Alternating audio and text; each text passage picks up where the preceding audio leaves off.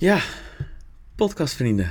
Thomas de Vries hier met weer een splik splinternieuwe aflevering van Act It Out. De podcast voor verhalen en ideeën die je beter maken. Ik hoop dat het uh, goed gaat met jullie. Met mij gaat het prima. Ten tijde dat ik dit opneem um, ga ik bijna op vakantie naar Vietnam. Dus mijn humeur is goed gestemd. En waarschijnlijk als jullie, uh, nou sowieso als jullie dit aan het luisteren zijn, ben ik in Vietnam. Dus waarschijnlijk lig ik dan op het strand met een uh, boek of een cocktail. En hoogstwaarschijnlijk allebei te genieten van mijn vakantie. Maar ik wilde nog een keer achter de microfoon gaan zitten, omdat ik een onderwerp wil bespreken wat ik al jaren echt knijter interessant vind, namelijk gedragsverandering. Uh, dat vond ik al interessant toen ik begon met fitness. Uh, dat vond ik ook al interessant toen ik afstudeerde naar organisatorische gedragsverandering. Ehm, ook toen ik mensen coachte. Eh, dus ben ik, eigenlijk ben ik er de afgelopen jaren al heel veel mee bezig geweest. Maar blijft het iets wat, eh, wat me blijft boeien. Um, allereerst om mijn eigen gedrag, uh, gedrag te kunnen veranderen als ik dat wil. Of te verklaren als het niet lukt. Maar ook vanuit psychologisch perspectief boeit het me gewoon echt. Aan de ene kant is het zo simpel om je gedrag te veranderen. Bijvoorbeeld als je fit wil worden, dan is niets anders dan minder calorieën binnenkrijgen dan je verbrandt. Um, minder calorieën ja, binnenkrijgen dan je verbrandt. En een aantal keer sporten. Als het gaat om welvaart te bouwen, is het minder um, uitgeven dan je binnenkrijgt en de rest investeren. Maar aan de andere kant is het zo ingewikkeld, omdat we het allemaal de hele tijd verkloten. Nou, waar komt dat door? Inmiddels weet ik dat het door meerdere factoren komt, maar dat beter begrijpen, dat, uh, dat, dat vind ik te gek om mee bezig te zijn. En daar wil ik dus vandaag nog wat dieper op ingaan. En voordat ik de diepte inga, lieve, lieve luisteraars, vergeet je alsjeblieft niet te abonneren, de aflevering te delen of een review achter te laten op iTunes of het andere platform waar je de podcast luistert. Uh, en vooral die laatste helpt me heel erg. Sommige mensen van jullie doen het, uh, wat ik heel chill vind. Dus luister de podcast nou vaker. Uh, laat even een review achter, joh. Dat is te gek. En zoals altijd, ik waardeer jullie nog steeds. Tot zover de gemaakte stilte. Nee, ik kwam laatst een ehm, blog tegen die ik zelf schreef voor het mannenmagazine Manify. En dat ging over uh, de niveaus van gedragsverandering. Vooral de link tussen iemands identiteit en uh, iemands gedrag. Nou, allereerst dacht ik op zich best sympathiek geschreven. Ik was het nogal eens met de dingen die ik uh, twee jaar geleden schreef. Tegelijkertijd dacht ik ook, ik weet inmiddels een hoop meer. En volgens mij ben ik beter in staat om verschillende dingen met elkaar te linken. Dus ben ik een soort van rabbit hole ingedoken. Ik heb een aantal avonden achter elkaar achter mijn laptop gezeten om, uh, om uh, nou ja, eens te kijken hoe ik alle dingen die ik de afgelopen tijd geleerd heb aan elkaar te kunnen verbinden. Um, en het resultaat is, is deze podcast. Ik kwam in dat, of in dat artikel stond een model uh, van de verschillende lagen van gedragsverandering. Uh, ik kwam er al vrij snel achter dat gedrag niet alleen puur zangend gedrag is, maar dat er heel veel andere factoren van invloed zijn. Um, en dat model dat geeft dat goed weer. Nou, je hebt bovenaan je identiteit. Hoe ziet iemand zichzelf? Ooit had een cliënt van mij die zag zichzelf als Bourgondier. Dus je ook, ik ben een Bourgondier. Dat was zijn identiteit. Daaronder heb je iemands waarden en overtuigingen. Uh, dus wat ze belangrijk vinden. Nou, voor die persoon was het, ik vind genieten belangrijk. En ik ben ervan overtuigd dat met vrienden leuke dingen doen, met eten en drinken uh, belangrijk zijn. Daaronder heb je iemands vaardigheden. Um, hij zei bijvoorbeeld: Ik vind geen sport leuk en als ik naar de sportschool ga, dan weet ik niet wat ik moet doen.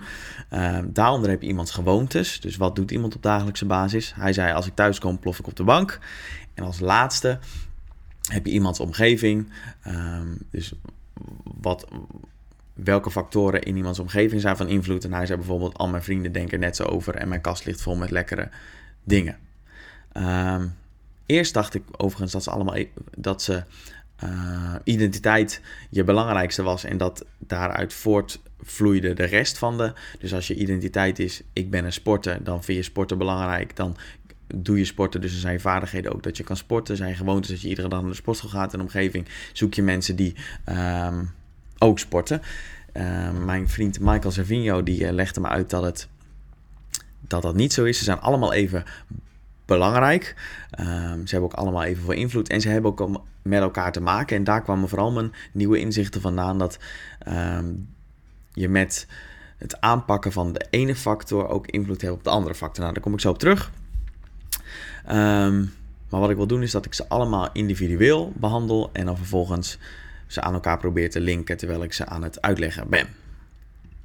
En dan te beginnen natuurlijk bij de allereerste, namelijk identiteit. En die vind ik misschien wel de meest fascinerende. Want hij is aan de ene kant, iemands identiteit is zo belangrijk in het gedrag dat iemand vertoont, maar tegelijkertijd ook ongrijpbaar. Van ja, weet je wel, oh ja, wat is je identiteit? Oké, wat voor gedrag hoort daarbij? Je kunt het, laat ik zo zeggen, je kunt het niet echt bewijzen. Maar uh, bijvoorbeeld, ik ben sporter. Ik zie mezelf als sporter, ik heb altijd gesport, ik ben een sporter. Mensen zeggen best wel vaak tegen me dat ze het bijzonder vinden. Of dat ze vinden dat ik heel veel discipline heb. Omdat ik ehm, heel vaak naar de sportschool ga.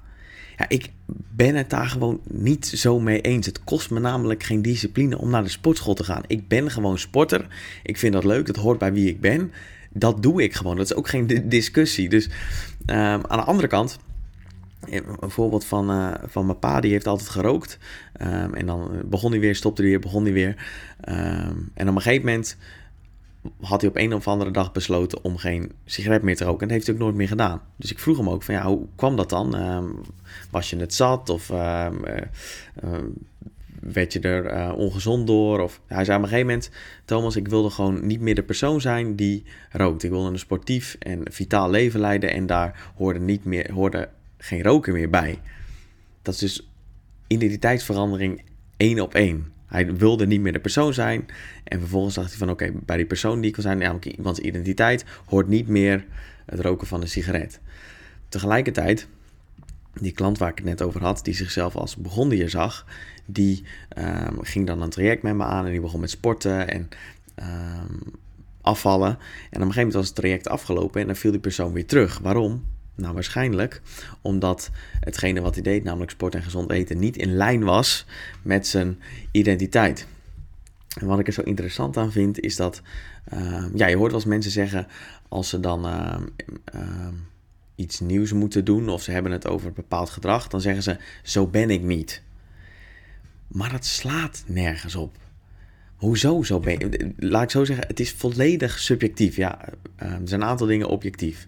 Uh, dat je geboren wordt, dat je doodgaat. Dat uh, stenen hard zijn als je tegen je kop aan krijgt. Dat vuur heet is en water nat. Dat zijn volgens mij redelijk objectieve dingen. Voor de rest is het allemaal subjectief. Als je tegen mij zegt, als ik zou zeggen, ik vind mezelf, ik, ik ben echt de grootste koning ter wereld bewijs maar eens dat niet zo is. Ja, Thomas, je hebt uh, iets wat grote oren en grote voortanden, dus je bent niet de koning van de wereld. Zeg ik, nou nee, klopt gewoon niet, man. Ik, uh, ik heb hele mooie voeten en ik ben uh, 1,73, wat precies het wereldgemiddelde is. Dus ik ben de grootste koning ter wereld. Ja, kun je niet bewijzen. Tegelijkertijd, als ik mezelf de grootste minkukkel ooit vind, dan kun je ook niet bewijzen dat het niet zo is. En als het dan subjectief is, dan kun je het volgens mij ook gewoon veranderen. Eh, een voorbeeld waar het bij mij echt veranderd is, is uh, uh, op het gebied van feedback maken en uh, feedback krijgen en fouten maken. Dat kon ik dus gewoon niet. Als ik feedback kreeg, werd ik defensief. Bij fouten maken trapte ik mezelf mentaal echt helemaal de grond in. Um, nou, één ding die je waar je achter komt op het moment dat je begint met zelfontwikkeling of überhaupt leren van nieuwe dingen, is dat fouten maken um, erbij hoort. Dat dat noodzakelijk is om ergens beter in te worden. Nou goed, niks nieuws. Uh, Thomas, vertel eens wat nieuws. Maar daarvoor is het wel belangrijk om goed feedback te kunnen krijgen en jezelf toelaten om fouten te maken. Dus op een gegeven moment dacht ik, oké, volgens mij is het niet handig als ik um, uh, mijn identiteit is dat ik altijd beter weet en dat ik geen fouten um, maak. Oh, dat bedenk ik nu. Dat komt overigens ook daar vandaan dat ik vroeger altijd best wel snel goed was in dingen. Sporten pakte ik snel op, leren ging me makkelijk af. Dus ik was ook gewoon degene die snel dingen oppikte. Um, wat dus ook maakte dat ik het idee had dat ik geen fout hoef te maken, omdat ik dingen al snel oppikte. Nou, dat is niet echt handig. Dus op een gegeven moment heb ik daarover nagedacht en wilde ik mijn identiteit veranderen naar iemand die gewoon open staat om te leren. En dat dat het belangrijkste is, dat ik gewoon een, een iemand ben die graag leert. En inmiddels Um, nou, er zijn uitzonderingen, maar eigenlijk kan ik altijd gewoon prima feedback ontvangen. Ik vraag er ook heel vaak om. En iedere keer als ik een fout maak, word ik wat vriendelijker voor mezelf. En dat is één op één omdat ik nagedacht heb over: oké, welke persoon wil ik zijn? Iemand die graag leert. Nou, dat hoort bij feedback maken en lief voor jezelf zijn als je fouten maakt. Uh, wat fucking awesome is, want dat brengt me heel veel. Nou, dus de vraag natuurlijk, hoe kun je zorgen dat je identiteit verandert? Ik denk dat de beste manier is via identity-based habits. En daar kom ik zo op terug. En tot zover de stilte. Door naar de volgende. Uh, waardes en overtuigingen. In dit gebied kwamen een aantal van mijn nieuwe inzichten uh, uit. Volgens mij vloeien um, je waarden en overtuigingen deels voor uit je identiteit, maar zijn ze ook op zichzelf staand belangrijk en kun je ze ook aanpassen zonder dat je nou heel veel focust op je identiteit. En hoe belangrijk iemands waarden zijn, staat in het boek The Confidence Gap. Die heb ik een tijd geleden gelezen, daar heb ik echt fucking veel aan gehad.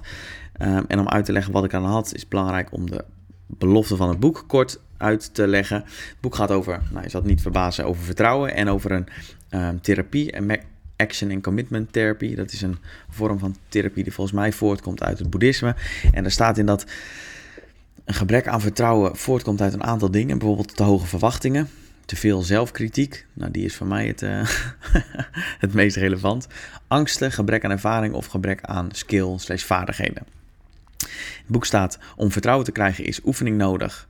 Om vervolgens feedback te ontvangen, aan te passen waar het nodig is en weer opnieuw te beginnen. Nou, dat is volgens mij niks nieuws. Dat is gewoon de cyclus van nieuwe dingen leren. Maar we zijn geneigd om te denken dat gevoelens van vertrouwen eerst moeten komen om actie te kunnen nemen. In het boek staat dat is onzin. Uh, gevoelens van vertrouwen komen na actie.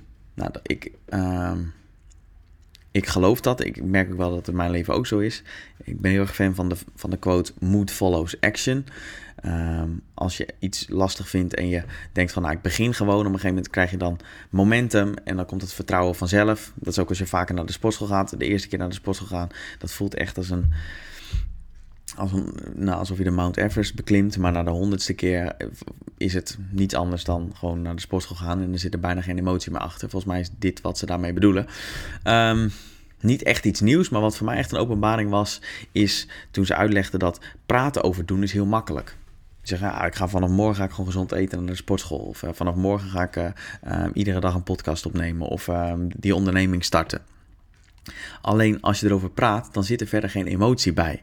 Als je daadwerkelijk gaat doen, dan worden we tegengehouden door gedachten en gevoelens die ons niet helpen. Um,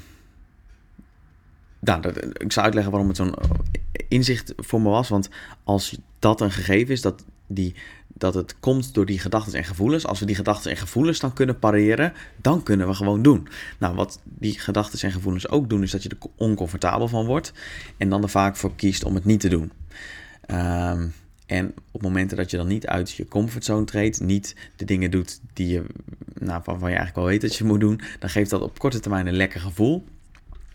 Um, maar ja, daarna eigenlijk ook altijd wel een klote gevoel ik heb eigenlijk als, als ik iets niet doe waarvan ik weet dat ik het moet of waar weerstand zit, uh, op, net daarna als ik het niet doe, dan voelt het even als een opluchting, maar daarna voelt het eigenlijk altijd kloten en heb ik spijt dat ik het niet gedaan heb. En in het boek staat: The more we choose actions that give us short-term relief from discomfort rather than doing what enriches our lives in the long term, the smaller and emptier our lives tend to become. Noemen ze living in the comfort zone.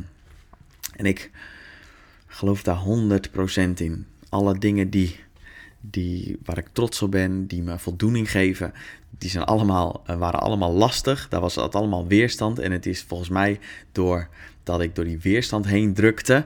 Um, en ondanks die gevoelens en gedachten die me niet helpen, hielpen, alsnog de actie te nemen, daar zit de voldoening. Dat maakt volgens mij je karakter en dat maakt je trots. Um, dus het is belangrijk om om te gaan met die gedachten en gevoelens.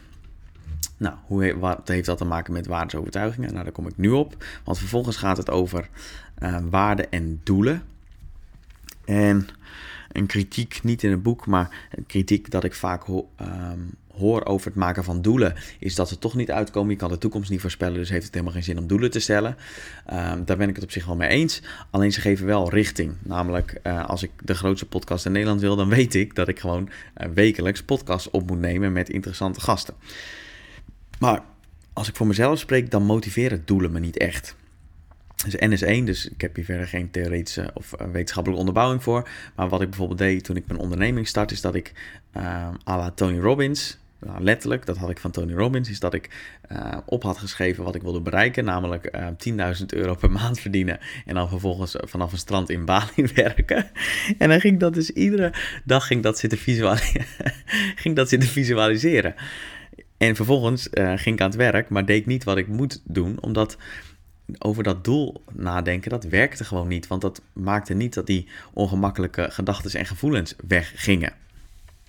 Um, in dat boek, in het boek The Confidence Gap, uh, Gap, Gap staat dat um, waardes um, zorgen voor motivatie en inspiratie. En ik voel dat ook zo.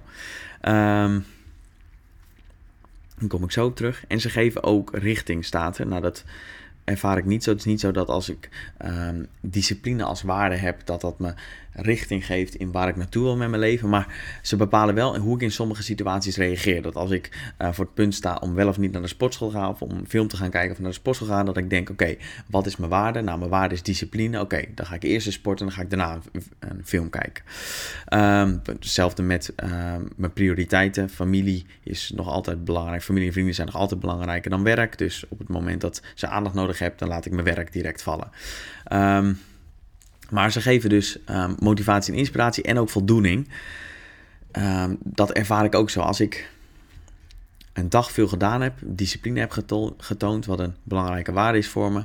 Dus dat ik door mijn weerstand heen ga, dan voel ik echt een vorm van geluk en voldoening aan het eind van de dag. En ook, ze, motiveren ook. Dus op het moment dat ik uh, een waarde hang aan hetgeen wat ik doe.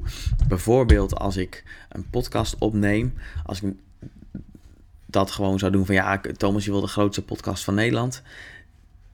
Ja, dat, ja, dat motiveert me in dat moment niet. Maar als ik nadenk, oké okay, Thomas, welke persoon wil je zijn? Wat vind je belangrijk? Welke waarden horen daarbij? En dus ik van ja, ik begon een gast zijn die door zijn weerstand heen breekt. Dan geeft dat een ander soort motivatie.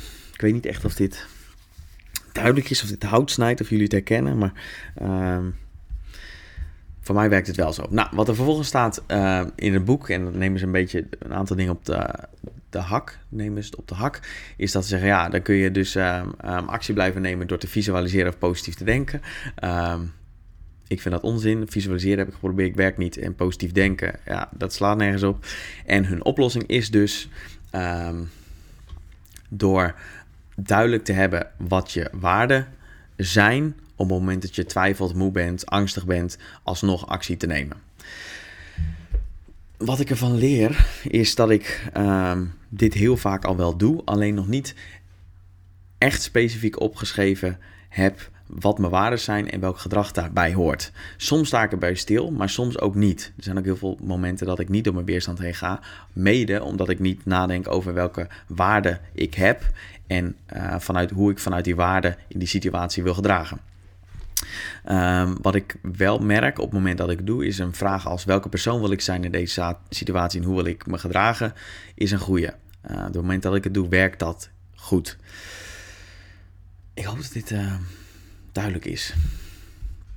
Um, er staat ook in het boek, en daar ben ik het wel mee eens, dat je eigenlijk altijd succes hebt wanneer je vanuit je waarde handelt. Er zijn namelijk zoveel dingen waar je, niet, waar je geen invloed op kan hebben, maar je hebt wel altijd invloed hoe je vanuit je waarde je gedraagt. Een ander boek dat ik ooit las, wat hier wel mee te maken heeft, is The Six Pillars of Self-Esteem. Daar staat in dat zelfvertrouwen wordt bepaald door de mate waarin je integer bent aan je eigen afspraken. Um, ik kan me heel goed voorstellen dat als je je waarde duidelijk hebt en als je daar je gewoon aan houdt, altijd handelt vanuit je waarde, dat dat heel veel vertrouwen geeft, omdat je dan gewoon integer bent aan de persoon die je wil zijn en de dingen die je belangrijk vindt. Um, qua overtuigingen denk ik dat het, als het gaat om gedragsverandering, bijvoorbeeld nieuwe dingen leren of je gedrag aanpassen, dat, het, uh, dat je de overtuiging moet hebben dat um, je alles moet kunnen leren. Ik merk dat aan mezelf en ik zie dat ook vaak om me heen, dat de mensen, um, dat we vaak dingen niet doen, omdat we überhaupt het vertrouwen niet hebben dat we dat kunnen leren. Nou, volgens mij is dat maar één boek belangrijk en nuttig die daarbij kan helpen. Dat is de Growth Mindset van Carol Dweck. En daar staat in dat, je, dat er twee soorten mensen zijn. Mensen met een fixed mindset, dus die denken dat alles vaststaat, dat je gewoon talenten hebt en dat je niet echt nieuwe dingen kan leren. En mensen met een growth mindset die zeggen je kunt alles leren, um, zolang je maar de dingen voor doet die je moet doen. En die zeggen altijd ik kan dingen nog niet. Um, een kritiek van die growth mindset is dat mensen zeggen: ja, je kunt, uh, je kunt niet overal de beste in worden. Bijvoorbeeld als je klein bent, dan kun je geen basketballer worden. Ja, er zit wel echt een verschil tussen um, helemaal niet piano spelen en de allerbeste pia pianist aller tijden worden. ik, ik moet altijd lachen dat mensen het feit dat je niet de allerbeste ergens in kan worden als een soort excuus gebruiken om maar niet te hoeven te beginnen. Nou, als je dat als excuus gebruikt, dan vind ik je gewoon eigenlijk een eikel. Maar, ah, who cares? Gaan we door naar de volgende.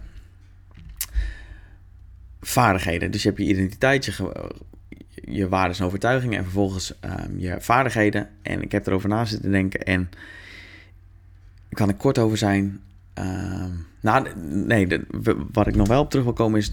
als je overtuigingen goed zijn, namelijk dat je nieuwe dingen kunt leren... en je het ook vertrouwen hebt dat als je ergens aan begint... dat je ergens goed in kan worden... dan is er eigenlijk geen excuus. Dan heb je namelijk het internet en dan kun je gewoon alles vinden. Er zijn voor ieder skill of vaardigheid zijn er wel cursussen. Of je kunt gewoon opzoeken. Ik heb nog een tip voor een website waar je uh, veel dingen kan vinden. Dat, ik zal spellen. G-O-O-G-L-E.com. Ja, daar kun je gewoon echt alles vinden. Echt een top website.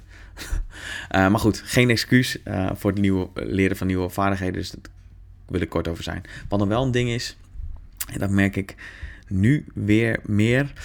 Toen ik uh, dit keer wel had, mijn online coaching platform, waarbij ik mensen hielp om fitter te worden. Toen sportte ik en had ik ook vooral altijd gezond. Nou, dat was de afgelopen anderhalf jaar wat minder. In andere woorden, ik at vaak als een varken.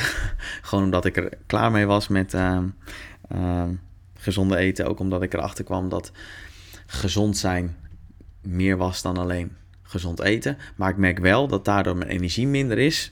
En energie is wel handig als je graag nieuwe dingen leert. Dus nou, daar kom ik steeds wel weer achter dat gezond eten ook belangrijk is. En als laatst, als het gaat om het leren van vaardigheden, werkt het toch het beste als je het mensen ziet doen. Dat vind ik ook zo leuk aan die podcast. Je kunt ja, toch oneindig lezen over dingen, maar de kans dat het soms uh, leeft het dan gewoon niet echt. Als dat, uh, als je daarmee begrijpt wat ik bedoel, dat vind ik ook zo leuk aan die podcast. Ik uh, dacht dat wat mensen deden allemaal heel speciaal was en alsof dat iets was wat ik misschien wel niet zou kunnen. En nu ik die mensen aan het interviewen ben, begint bij steeds meer bij mij het geloof te leven dat ik dat ehm, ook kan. En dat ik ook zie van, oh ja, oké, dus zo doen mensen dat. Waardoor het meer gaat leven. En ik ook zie van, nou, dat zou ik ook wel kunnen. Volgens mij, ik denk ook dat mentors daarom goed werken. Omdat je dan gewoon in iemands nabijheid bent. Volgens mij heet dat osmosis. En is dat tot de beste manier om snel nieuwe vaardigheden te kunnen uh, leren. En ik merk wel dat dat bij mij ook zo heeft gewerkt. Gaan we nou, eerst even een stokje water nemen. Volgende. Sorry, maar even een boertje laat. um, gewoontes. Ja, dus je hebt identiteit, waarden en overtuigingen, vaardigheden en vervolgens gewoontes. Ja, ik lees altijd dat 95% van ons gedrag automatisch is. Het lijkt wel alsof mensen dat iets negatiefs vinden. Ik vind dat juist fucking relaxed. Zolang je maar uh, de juiste gewoontes hebt. uh, ja, goed, dat is makkelijk gezegd gedaan. Maar ja, in principe is dat eigenlijk heel relaxed. In de theorie van gewoontes heb je um, zo'n loop met een, een cue, een craving, een response en een reward.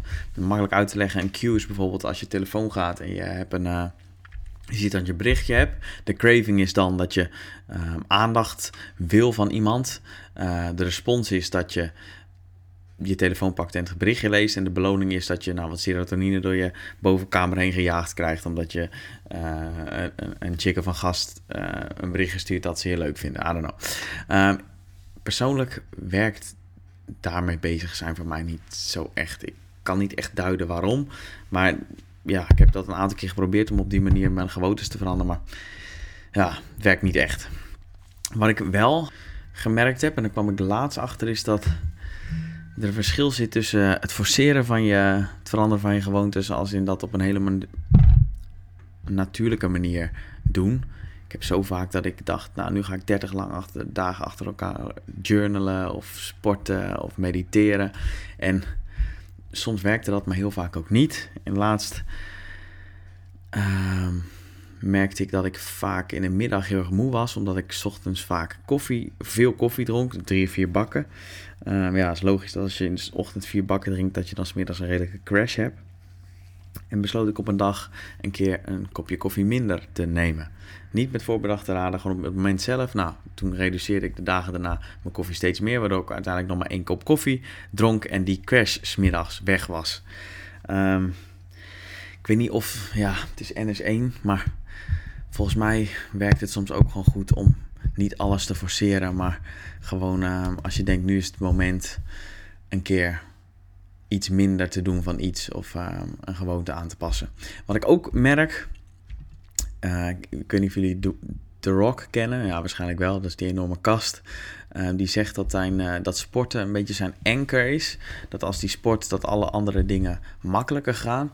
Ik merk dat ook wel. Dat als ik sport en um, goed eet, dat ik met die uh, discipline die ik op dat gebied toon, dat dat ook voortvloeit op andere gebieden. En dat is iets van de afgelopen drie weken. Maar ik, ik geloof daar wel in dat het van die, volgens mij worden dat cornerstone habits genoemd, dat die uh, gewoontes uh, ook voortvloeien in al het andere dat je doet. Iets anders, en hier ben ik echt fucking enthousiast over, en nu um, zie je weer hoe de verschillende lagen met elkaar te maken hebben. Ik noemde bij identiteit dat ik denk dat de beste manier is om dat te veranderen via identity-based habits. Um, komt uit het boek Atomic Habits van James Clear, absolute aanrader. Maar hij zegt dat je op basis op drie niveaus je gewoontes kunt veranderen. Op uitkomstenniveau, procesniveau en identiteitsniveau. Uh, nou, laten we zeggen, uitkomsten kan zijn ik wil 20 kilo afvallen. Proces kan zijn ik wil drie keer in de week naar de sportschool. En, iemands, en je identiteit is uh, ik wil de persoon zijn die sport. Of ik wil een gezond persoon zijn.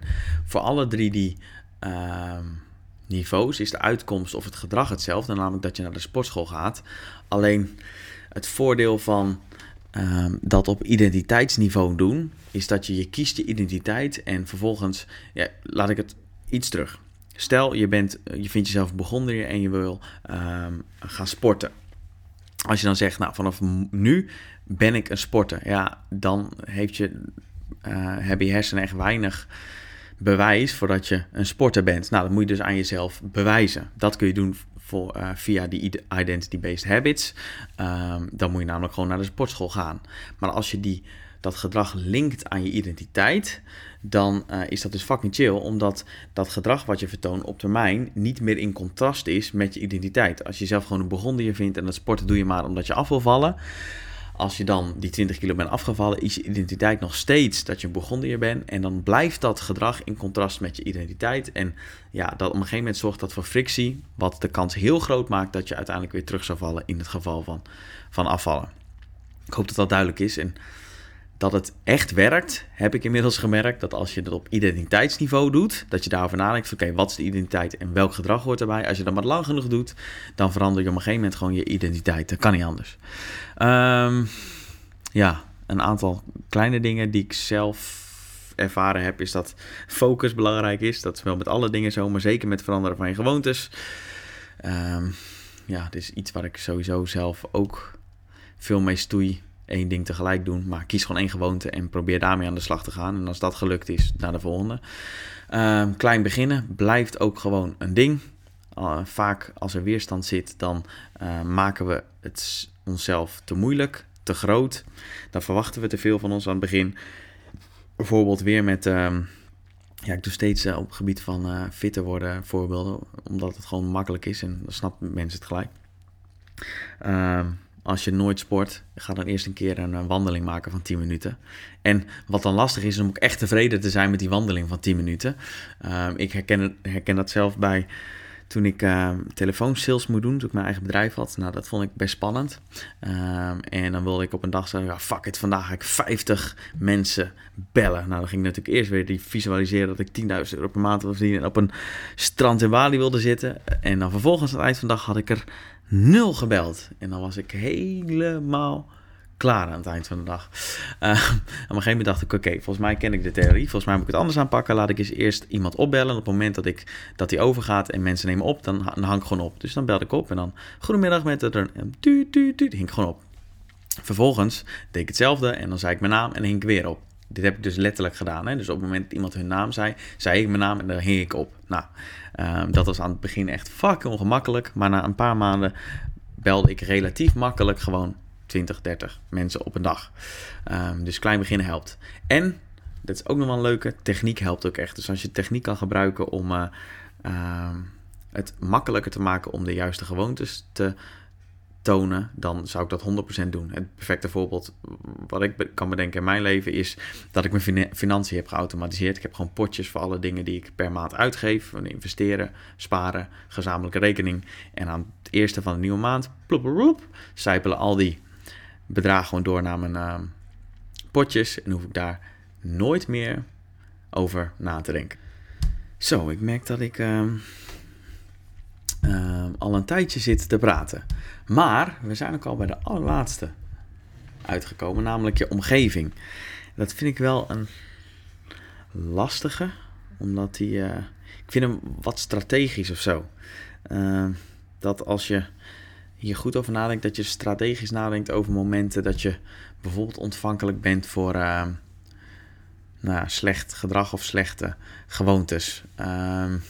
Bijvoorbeeld, uh, ja, het makkelijkste is weer gezonde voeding. Dat je je kast niet vollegt met allemaal ongezonde voeding. Omdat het dan, zeker als je thuis komt van je werk, je hebt een kutdag gehad uh, en je hebt uh, problemen thuis, dat het heel makkelijk is om uh, toe te geven aan de verleiding om ongezonde voeding te gaan eten. Um, ja, en wat, wat ook vaak wordt genoemd is dat je de vijf, het gemiddelde bent van de vijf mensen waar het meeste mee omgaat. Dus dat als je vrienden hebt die niet de dingen willen doen of niet de ambitie hebben of nou ja, uh, zuipen in het weekend en je wil dat niet, dat je dan die vrienden moet wegdoen. Ja, ik, ik heb daar moeite mee. Ik geloof er dat ondanks dat je vrienden misschien niet hetzelfde doen en willen als jij, dat de dat omgaan met hun, zeker als je ze al lang kent, uh, nou ja, belangrijk kan zijn dat je daar meer uit kan halen dan uh, toevallig alleen wat jij uh, met je ambitie wil doen. Ik merk zelf dat ik heb maten van vroeger en als ik daar een avondje mee stap, ondanks dat we echt totaal verschillend zijn en zij misschien niet hetzelfde willen als ik, dat ik daar zoveel ontspanning uithaal, dat ik er zoveel plezier uit haal, dat ik de volgende dag, dagen weer er tegenaan kan. Dus vrienden wegdoen, ja, ik, ik weet niet man, ik geloof daar niet zo in. Um, waar op een niveau waar ik wel um, moeite heb met mijn omgeving is qua... Ik geloof erin dat je waarden en overtuigingen ook wel door je omgeving bepaald wordt. En dat ik um, tot de volgende conclusie kwam de afgelopen jaren... dat de meningen en ideeën van de meeste mensen gewoon niet echt deugen. Um, daar had ik heel veel moeite mee, omdat ik nog niet dusdanig overtuigd was door mijn eigen ideeën. Daardoor vond ik het moeilijk om daarmee om te gaan. Ik zal een voorbeeld noemen. Ondernemen. Toen ik onderneming begon, op een of andere manier, omdat ondernemen best wel een grijs gebied is, hebben mensen daar altijd meningen over. En die gaven mensen dan ook. Omdat dat best een onzekere periode was voor mij, kon ik daar heel, goed mee, heel slecht mee omgaan. Dus uh, reageer ik daar vaak fel op. Of ik koos ervoor om dan niet met mensen in gesprek te gaan daarover. Uh, ik merk wel dat ik steeds onafhankelijker word in mijn denken. En dus ook steeds beter kan plaatsen of iemands mening waard is. Ik neem gewoon niet zomaar klakloos aan wat anderen uh, mensen denken en zeggen. En iets wat ik in het boek, volgens mij is de kracht van kwetsbaarheid van Brene Brown las, is als mensen zelf niet in de arena staan, dan kun je beter sowieso niet luisteren. Dus als iemand zelf geen onderneming heeft of bewezen heeft dat ze een onderneming op kunnen bouwen, ja, dan is die mening gewoon niks waard. Tegelijkertijd, ehm, ja, de mensen in de omgeving kunnen ook hele nuttige dingen hebben. Dus het is niet dat ik rankeneus ben en denk dat iedereen om me heen dom is. Echt totaal niet. Ik voel mezelf ook totaal niet beter. Maar ik ben wel selectief in wat ik aanneem van mensen. Tegelijkertijd is het ook goed om andere input binnen te krijgen. En ik geloof in dat uh, boeken lezen van slimme mensen en podcast uh, luisteren en uh, praten met mensen die wel bewezen dat ze op een bepaald gebied uh, dat hun mening waardevol is. Ik denk dat dat doen wel heel veel kan helpen en in die zin je omgeving kan helpen om de juiste waarden en overtuigingen te krijgen. Ik ben echt benieuwd um, of hetgene wat ik het afgelopen half uur gezegd, heb, of dat nuttig was of dat hout uh, snijdt. En als laatste, ik voel me absoluut geen expert over het veranderen van gedrag. En ik weet ook niet alles. Dus vond vooral je eigen mening. Ik probeer gewoon uit te vogelen hoe dit leventje werkt. En als jij daar wat aan zou hebben, dan is dat te gek. Um, dus uh, wat ik je zou willen vragen is: zou je mij via Instagram willen laten weten of het überhaupt hout heeft gesneden wat ik de afgelopen half uur heb gezet en of je er wat aan gehad hebt? En als je feedback hebt, dan is dat ook welkom. Alright, tot de volgende keer. Zoals altijd, ik waardeer jullie altijd en nog steeds. Doei!